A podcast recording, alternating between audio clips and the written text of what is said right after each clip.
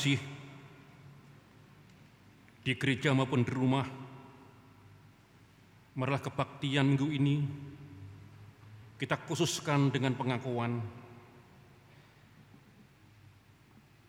Tuhan Allah yang menyebabkan langit dan bumi adalah sumber pertolongan kita. Untuk itu, kasih karunia dan damai sejahtera dari Tuhan Allah Bapa kita dan Tuhan Yesus Kristus ada pada kita sekalian. Amin.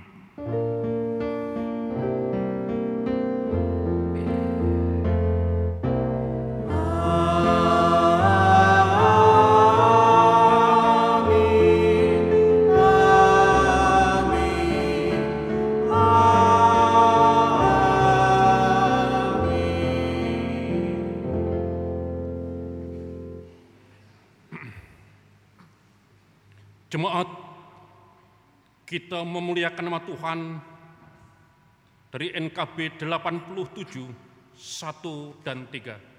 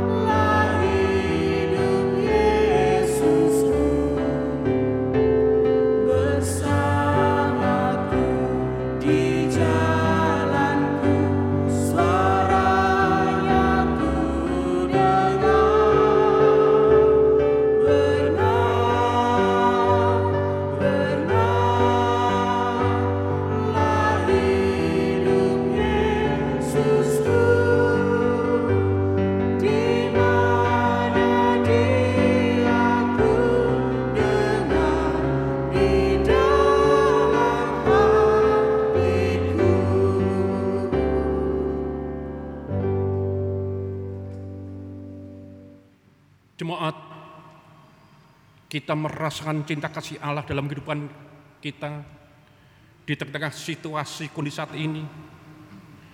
Cinta kasih Allah yang telah kita terima juga kita dasarkan dengan perintah Tuhan Yesus. Hukum yang terutama ialah dengarlah hai orang Israel, Tuhan Allah kita, Tuhan itu sah. Kasihlah Tuhan Allahmu dengan segenap hatimu dan dengan segenap jiwamu dan dengan segenap akal budimu dan dengan segenap kekuatanmu. Dan hukum yang kedua ialah kasihlah sesama manusia seperti dirimu sendiri. Tidak ada hukum lain yang lebih utama daripada kedua hukum ini. Jemaat, perintah, hukum yang kita dengar pada saat ini mengingatkan kita untuk senantiasa menyatakan kasih di hadapan Tuhan dan di depan sesama. Marilah kita menyadari di hadapan Allah seraya memohon ampunannya di hadapan Allah dan di depan sesama.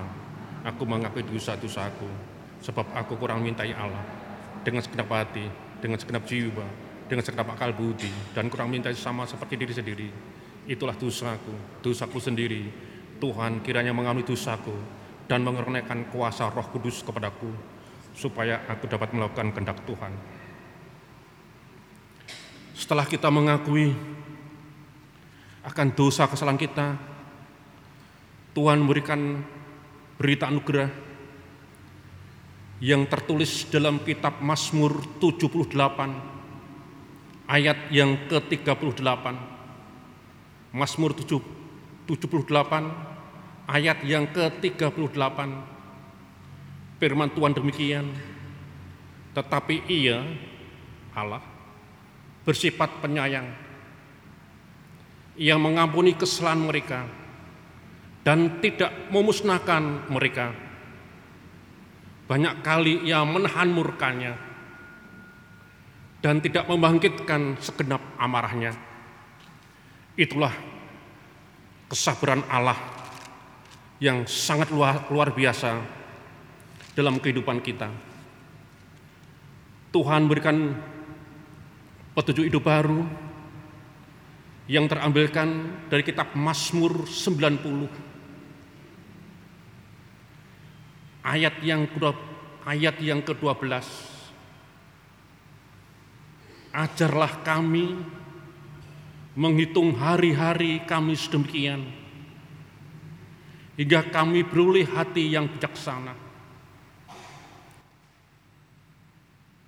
Petunjuk baru mengajarkan kepada kita, ajarilah kami menghitung hari-hari kami sedemikian. Hingga kami beroleh hati yang bijaksana. Marilah kita tanggapi dengan nyanyian kesanggupan dari NKB 125 ayat pertama dan ketiga. Kita nyanyikan dengan berdiri.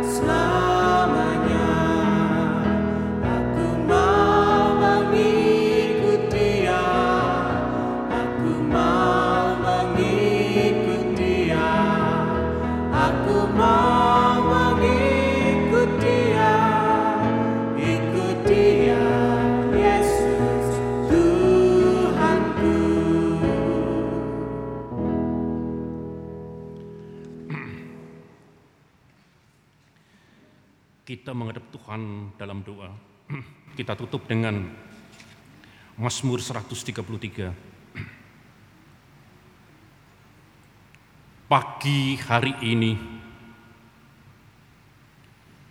jemaatmu boleh bersyukur karena engkau memperkenankan kami untuk beribadah di tempat ini, juga ibadah di tempat kami, di mana kami tinggal di rumah kami masing-masing.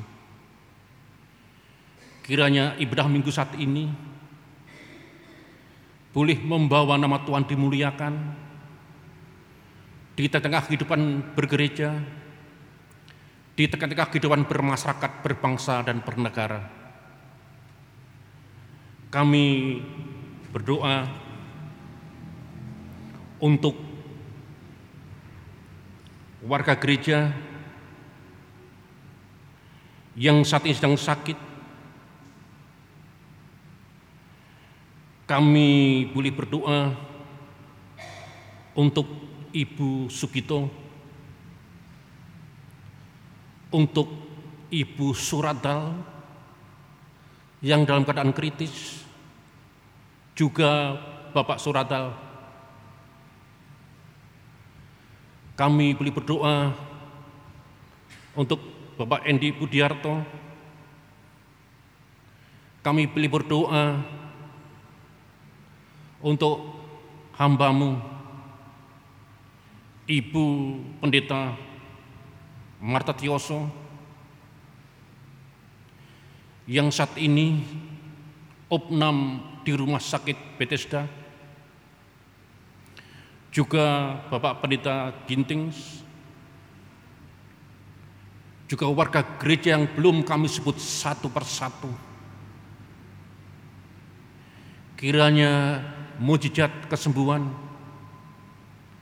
yang datang dari Tuhan Yesus, tabib dari segala tabib, boleh menyembuhkan warga gereja yang sedang sakit. Kami juga boleh berdoa untuk bangsa kami di tengah-tengah menghadapi pandemi COVID-19 para dokter, para perawat, para supir-supir ambulan, petugas TNI Polri, Satpol PP, dan semua relawan. Kiranya engkau berkati, engkau sertai, sehingga boleh menjadikan nama Tuhan dimuliakan dengan merawat warga masyarakat yang sedang sakit. Kami sangat sedih mendengarkan dan melihat, menyaksikan demo pada hari Kamis yang lalu. Banyak kota-kota di Indonesia yang dirusak, yang dibakar, juga termasuk di daerah kami, kota Yogyakarta.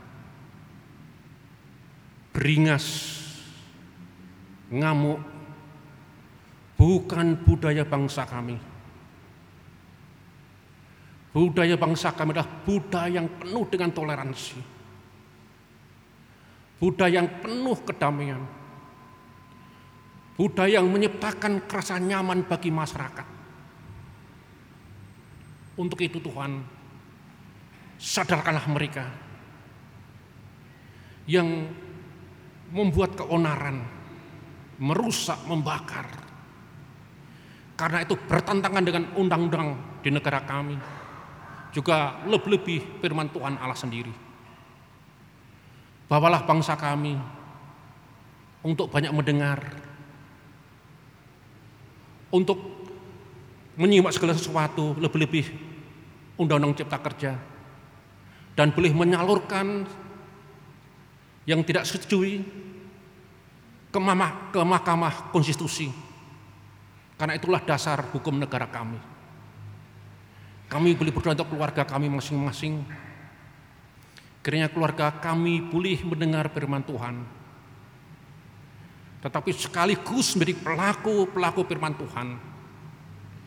Di tengah-tengah hubungan suami dengan istri. Yang sering kali mengalami hal-hal yang tidak dikendaki. Hubungan anak dengan orang tua. Kiranya mereka boleh mendasari mendengar firman Allah. Dan boleh menjadi pelaku-pelaku firman Allah pada saat ini kami akan memanjatkan doa pribadi kami. Kiranya engkau boleh mendengarkan doa seruan pribadi doa kami ini.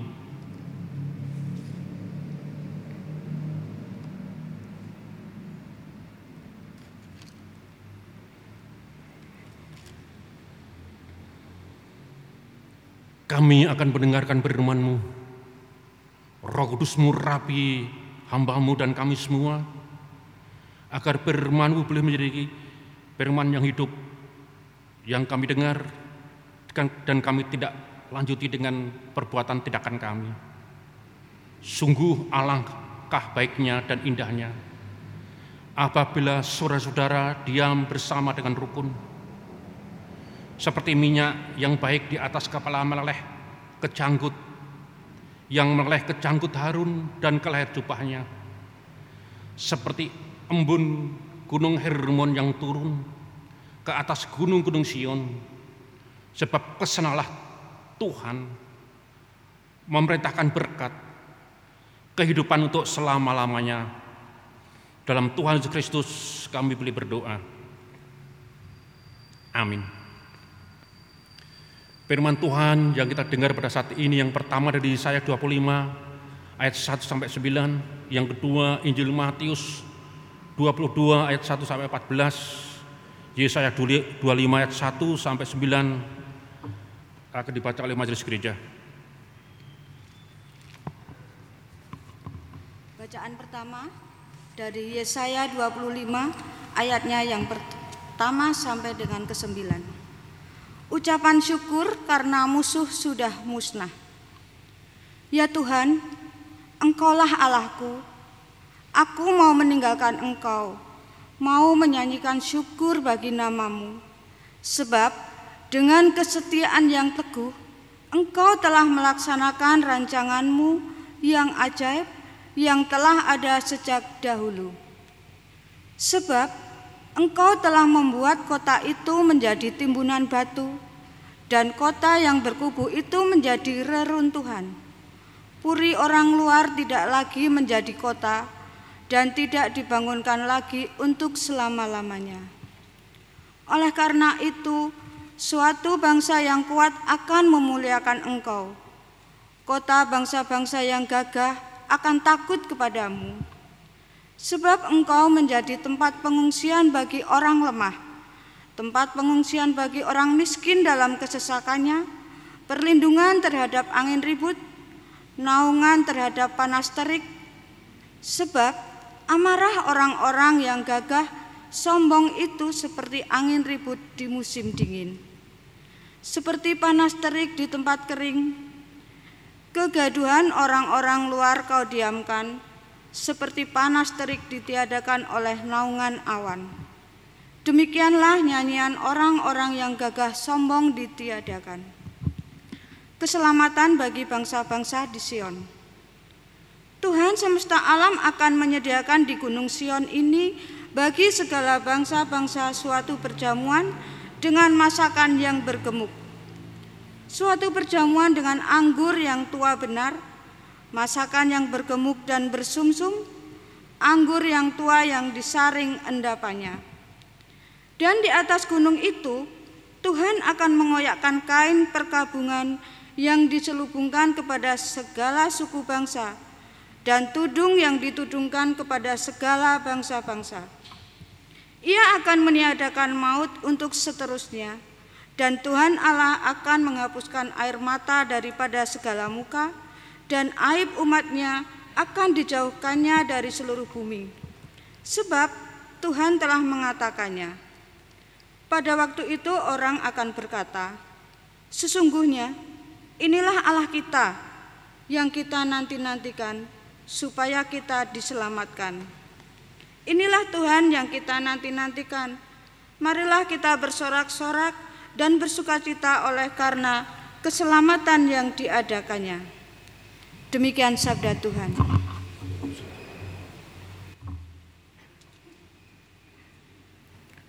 Jemaat, kita membuka Injil Matius 22 ayat pertama sampai ayat yang ke-14. Perumpamaan tentang perjamuan kawin. Firman Tuhan demikian. Lalu Yesus berbicara pula dalam perumpamaan kepada mereka hal kerajaan surga seumpama seorang raja yang mengadakan perjamuan kawin untuk anaknya. Ia menyuruh hamba-hambanya memanggil orang-orang yang telah diundang ke perjamuan kawin itu. Tetapi orang-orang itu tidak mau datang. Ia menyuruh pula hamba-hamba lain pesannya, katakanlah kepada orang-orang yang diundang itu, sesungguhnya hidangan telah kusediakan lembu-lembu jantan dan ternak piaraanku telah disembelih. Semua telah tersedia. Datanglah ke perjamuan kawin ini tetapi orang-orang yang diundang itu tidak mengindahkannya. Ada yang pergi ke ladangnya, ada yang pergi mengurus usahanya, dan yang lain menangkap hamba-hambanya itu, menyiksanya dan membunuhnya.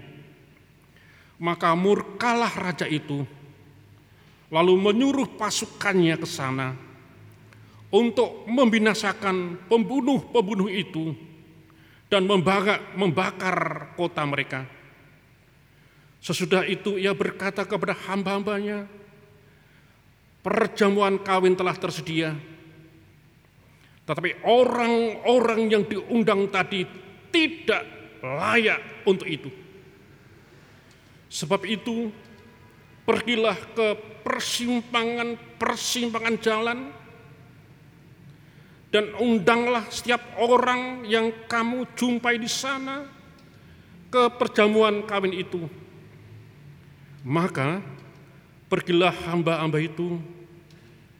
Dan mereka mengumpulkan semua orang yang dijumpainya di jalan-jalan, orang-orang jahat dan orang-orang baik, sehingga penuhlah ruangan perjamuan kawin itu dengan tamu. Ketika raja itu masuk untuk bertemu dengan tamu-tamu itu, ia melihat seorang yang tidak berpakaian pesta. Ia berkata kepadanya, "Hai saudara, bagaimana engkau masuk kemari dengan tidak mengenakan pakaian pesta?" Tetapi orang itu diam saja Lalu kata raja itu kepada hamba-hambanya, ikatlah kakinya dan tangannya, dan campakkanlah orang itu ke dalam kegelapan yang paling gelap. Di sanalah akan terdengar ratap dan ketak gigi. Sebab banyak orang yang dipanggil, tetapi sedikit yang dipilih. Yang berbahagia mereka mendengar bertuhan dan menghayati dan melakukannya dalam hidupnya. Haleluya. Jemaat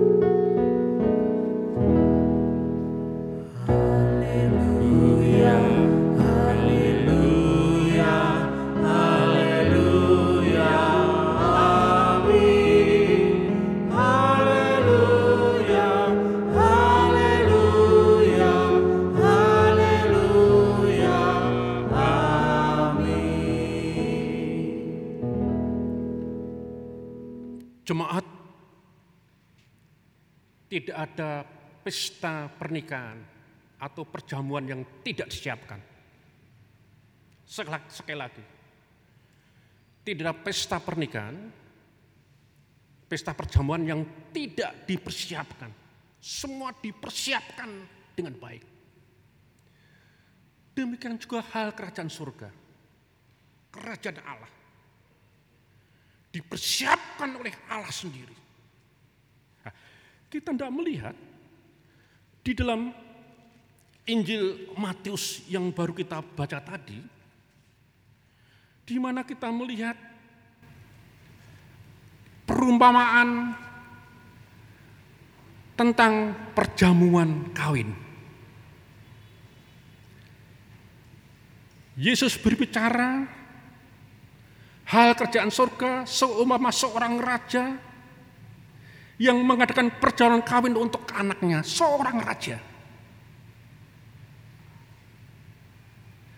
Yang mengadakan perjamuan kawin untuk anaknya. Jadi seorang raja. Persiapan sangat luar biasa. Ribuan, ratusan hewan disembelih untuk perjamuan itu. Dan mereka mengundang tamu-tamu diundang. Tetapi kita tidak melihat. Ia menyuruh hamba-hambanya memanggil orang-orang yang telah diundang ke perjamuan kawin. Jadi dia menyuruh orang-orang yang telah diundang.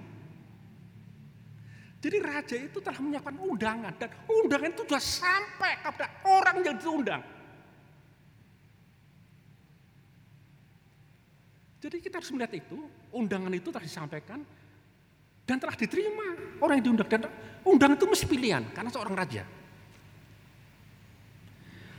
Tetapi ia tidak mau datang. Seorang raja loh. Undangan itu suatu kehormatan. Tetapi dia tidak mau datang. Lalu di sini dikatakan ia menyuruh pula hamba-hamba lain pesannya katakanlah kepada orang-orang yang diundang itu sesungguhnya Hidangan telah kusediakan, hidangan telah kusediakan. Lembu-lembu jantan dan ternak piaraanku telah disembelih, semuanya telah tersedia. Datanglah ke perjamuan kawin itu. Kurang apa?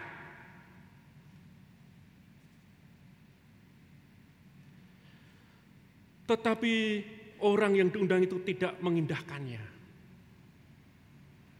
Ada yang pergi ke ladangnya, ada yang pergi ke mengurus usahanya. Mereka mereka tidak menggubris. Mereka tidak menggubris. Bahkan mereka pergi menurut kemauannya sendiri, kepentingannya sendiri. Ada yang pergi ke ladang, ada yang pergi mengurus usahanya, masa bodoh kan undangan sang raja yang kita ini menjadi rakyatnya, tapi kurang menghargai. Kurang apa raja?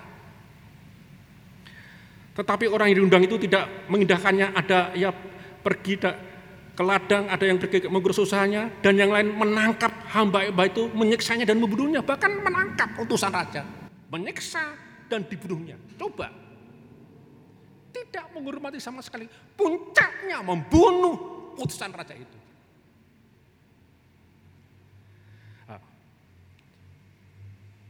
Lalu maka murkalah raja itu lalu menyuruh pasukannya ke sana untuk membinasakan pembunuh-pembunuh itu dan membakar kota mereka. Kalau sudah diamkan, merongrong kerajaan. Bahkan bisa meruntuhkan kerajaan. Untuk itu raja bertindak tegas. Bakar kota itu. Artinya apa? Artinya orang yang melawan raja itu supaya tidak menyebar ke masyarakat-masyarakat yang tidak tahu apa-apa, akhirnya ikut-ikutan. Maka di sini raja, maka murka raja, murka, kata murka. Lalu menyuruh pasukannya ke sana untuk membinasakan pembunuh itu dan membakar kota mereka. Sesudah itu ia berkata kepada hamba-hambanya itu, perjamuan kami telah tersedia. Tetapi orang-orang yang diundang tadi tidak layak untuk itu. Orang-orang yang diundang tadi tidak layak karena tidak menggubris, tidak mengindahkan dan itu tidak layak untuk menerima kerjaan surga. Maka pergilah sebab itu pergilah ke persimpangan-persimpangan jalan dan undalang setiap orang yang kamu sampai di sana perjamuan kawin itu. Maka pergilah hamba itu, hamba itu dan mereka mengumpulkan semua orang dijumpai di jalan-jalan orang yang jahat dan orang-orang yang baik. Sehingga penuhlah ruangan perjamuan kawin itu dengan tamu. Perjamuan tidak bisa gagal. Tamu yang diundang tidak datang, kita orang itu, raja itu menyuruh hamba untuk datang ke persimpangan jalan. Siapa yang ditemui diundang. Lalu di sini ketika raja itu masuk untuk bertemu dengan tamu-tamu itu, ia melihat seorang yang tidak berpakaian pesta. Nah, sering kali kita melihat kok begitu jam raja itu. Ia berkata kepada ya saudara-saudara bagaimana engkau masuk kemari dengan tidak mengenakan pakaian pesta, tetapi orang itu diam. Lalu kata raja itu kepada hamba-hambanya, ikatlah kaki dan tangannya dan campakkanlah orang itu ke dalam kegelapan yang paling gelap. Kok seolah-olah raja itu kejam toh?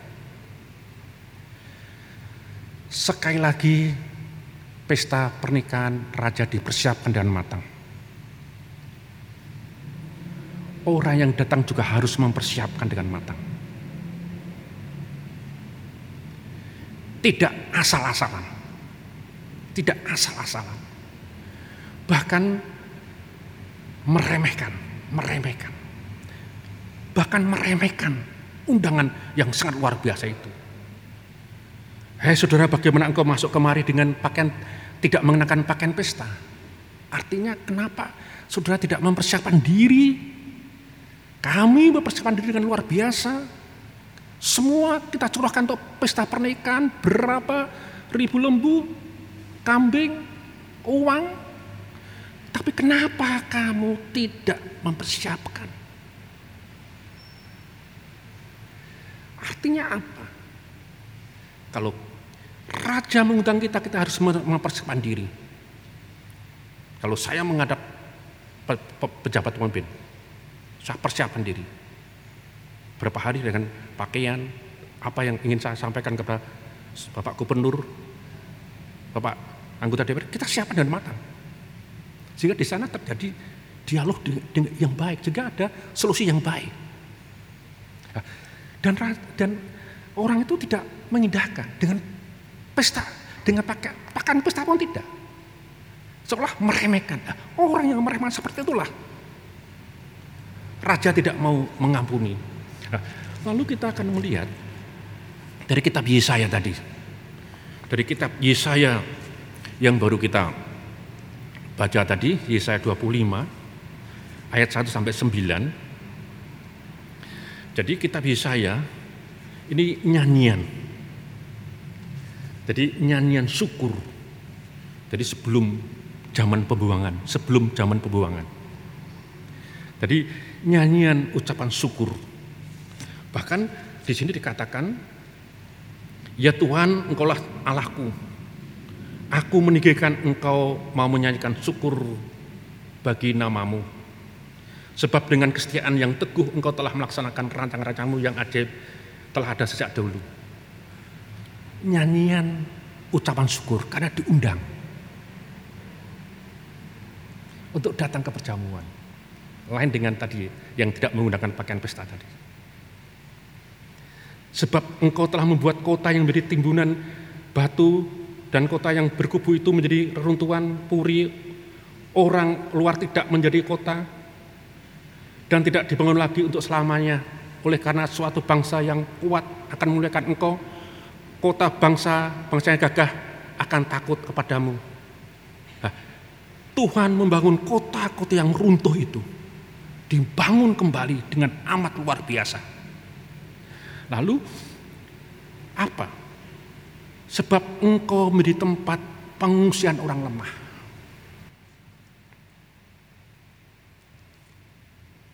Nyanyian yang sangat indah sekali Sebab engkau memberi tempat pengungsian bagi orang lemah. Orang jahat, orang benar di pinggir jalan, engkau panggil. Untuk ikut ke dalam perjamuan. Dan kita bisa dengan indahnya. Sebab engkau memberi tempat pengungsian bagi orang yang lemah. Tempat pengungsian bagi orang miskin yang dalam kesesakan.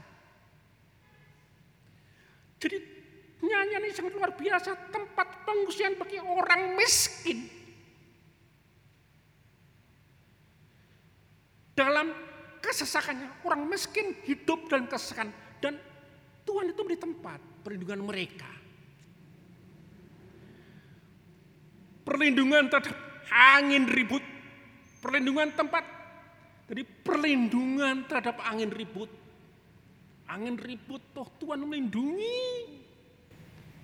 Dan dimasukkan ke dalam tempat pesta yang sangat luar biasa itu.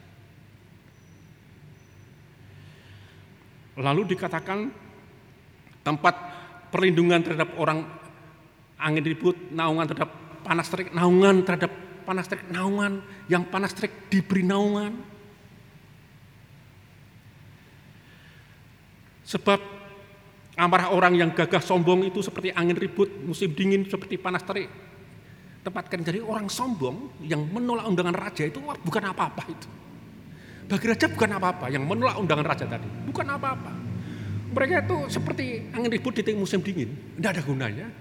Musim dingin seperti panas terik di tempat yang kering, panas terik di tempat yang kering lebih lebih lebih, lebih lagi itu dan bisa terbakar dan bisa terbakar karena meri, seperti panas terik di tempat yang kering jelas terbakar.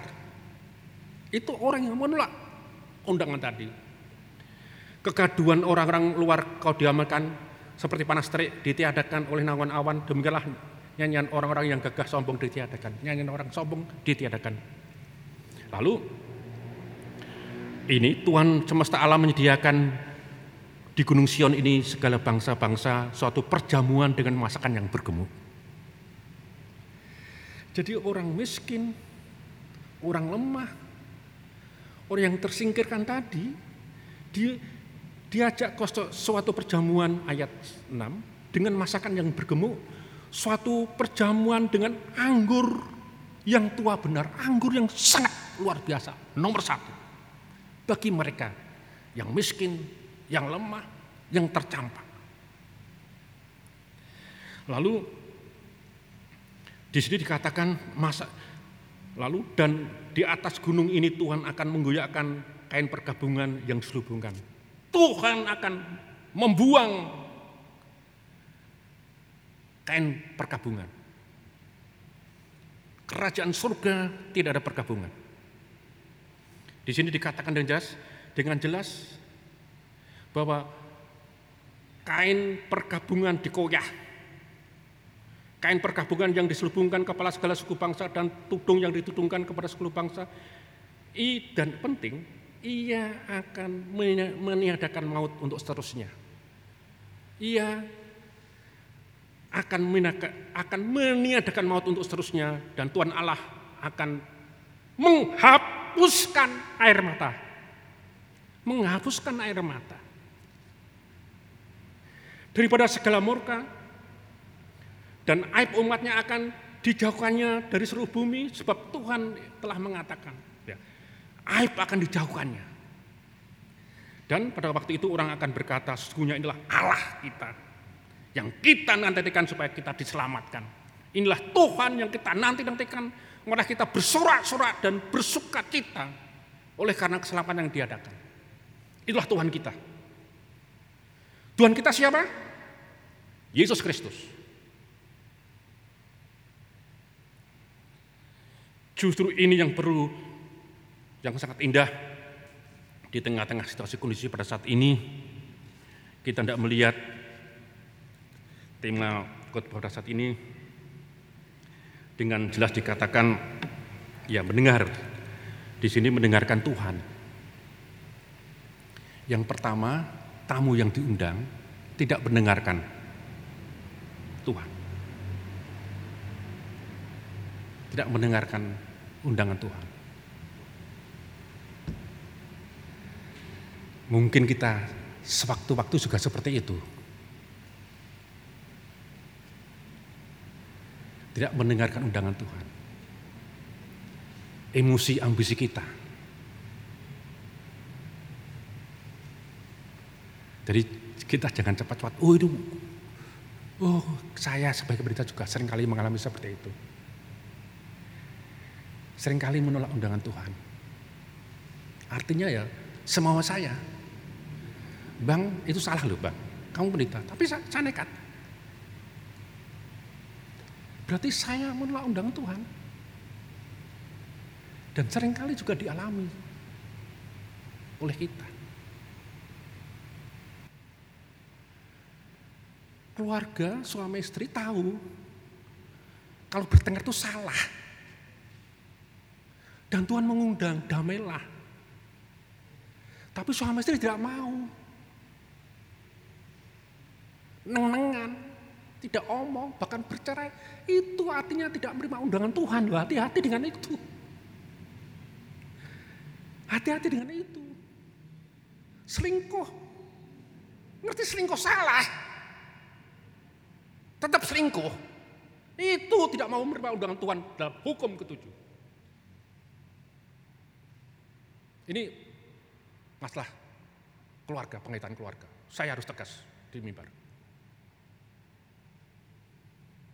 Saya kira kita sering kali menolak undangan Tuhan. Anak sering kali menolak undangan Tuhan. Dia menuntut melebihi apa yang ada dalam kapasitas orang tuanya. Padahal hormatilah bapak ibunya, hukum Tuhan ada. Berarti anak itu menolak undangan Tuhan. Tidak mau mendengar suara Tuhan. Jadi sebetulnya firman ini sangat tajam sekali. Sangat tajam sekali. Tidak mendengar Tuhan ada dalam kehidupan saya. Seringkali ada dalam kehidupan saya. Ada dalam kehidupan kita. Membakar di kota itu tidak baik. Karena cinta kasih firman Tuhan. Kenapa kita melakukan itu? Karena kita tidak mau mendengar suara Tuhan. Dan tidak mau menerima undangan Tuhan. Jadi sebetulnya firman ini sangat luar biasa. Tetapi kita jangan lupa bahwa jika itu sudah kita lakukan dan tetap seperti itu, ingatlah Tuhan akan datang. Tuhan akan datang di persimpangan-persimpangan orang yang terpinggir, yang minta-minta di tengah jalan, barang tengah jalan diundang ke pesta.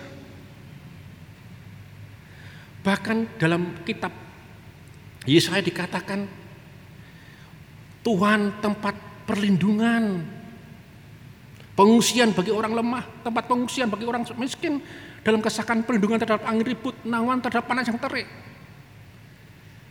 Dia akan memberi naungan kepada kita yang telah berjuang tetapi orang tidak mengindahkan. Nah, marilah kita mendengar panggilan Tuhan. Artinya apa? Mengindahkan. Menurut dengan mendengar kita akan belajar. Kalau kita mau mendengar kita akan belajar hal yang baru. Nah, kiranya Tuhan memberkati kita. Amin. Satu dulu. Pengakuan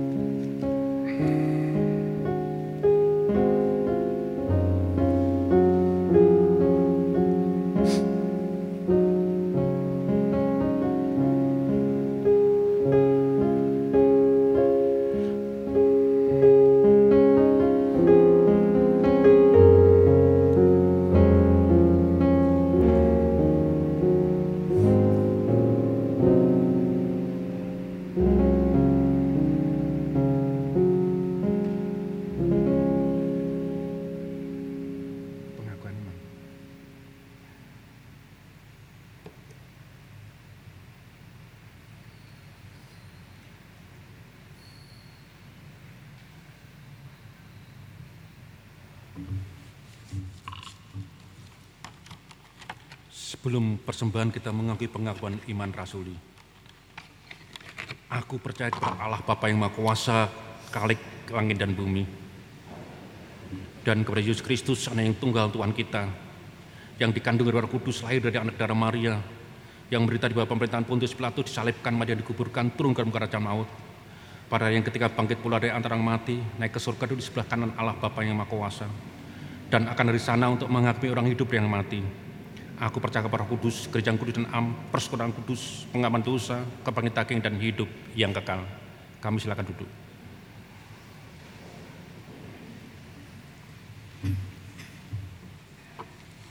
Jemaat yang dikasih Tuhan Yesus, marilah kita memberikan persembahan sebagai tanda syukur atas kebaikan Tuhan dalam hidup kita. Firman Tuhan yang melandaskan ungkapan syukur ini kita baca bersama-sama diambil dari ulangan 16 ayat 16b sampai 17. Demikian. Janganlah ia menghadap hadirat Tuhan dengan tangan hampa, tetapi masing-masing dengan sekedar persembahan sesuai dengan berkat yang diberikan kepadamu oleh Tuhan Allahmu. Persembahan minggu dimasukkan melalui kantong dan persembahan khusus melalui kotak yang disediakan. Kotak kolektor tetap dipegang oleh majelis yang mengedarkan.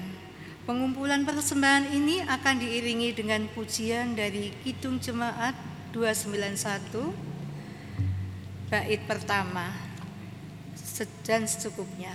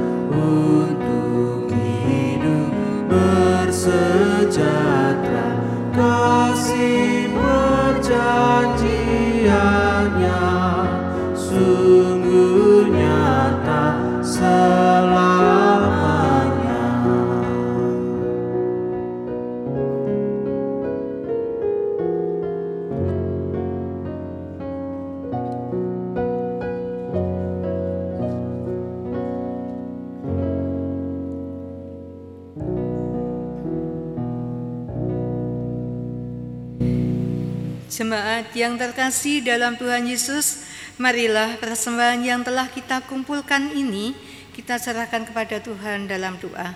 Mari kita berdoa.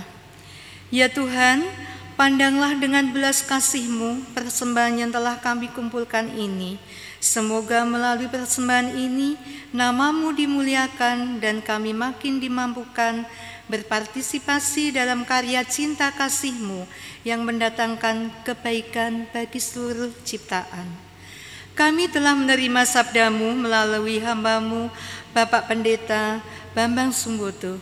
Mohon kiranya roh kudus membimbing kami sekalian, sehingga sabda Kristus yang kekal menjadi suluh bagi kehidupan kami, dan segala hal yang baik yang Bapa rindukan terjadi dalam kehidupan seluruh ciptaanmu di dunia ini.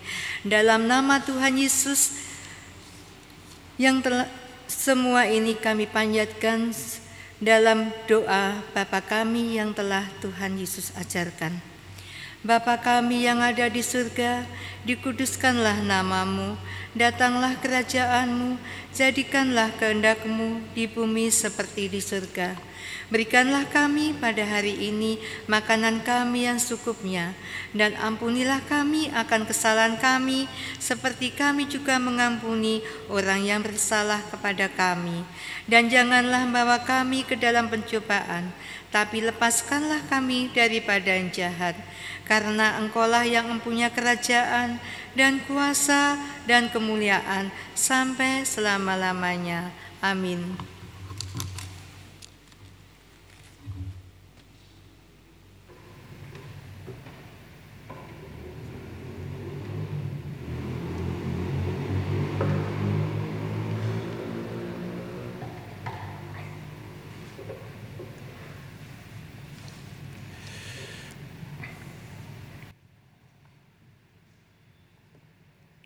Kaji 318 12 kita nyanyikan dengan berdiri.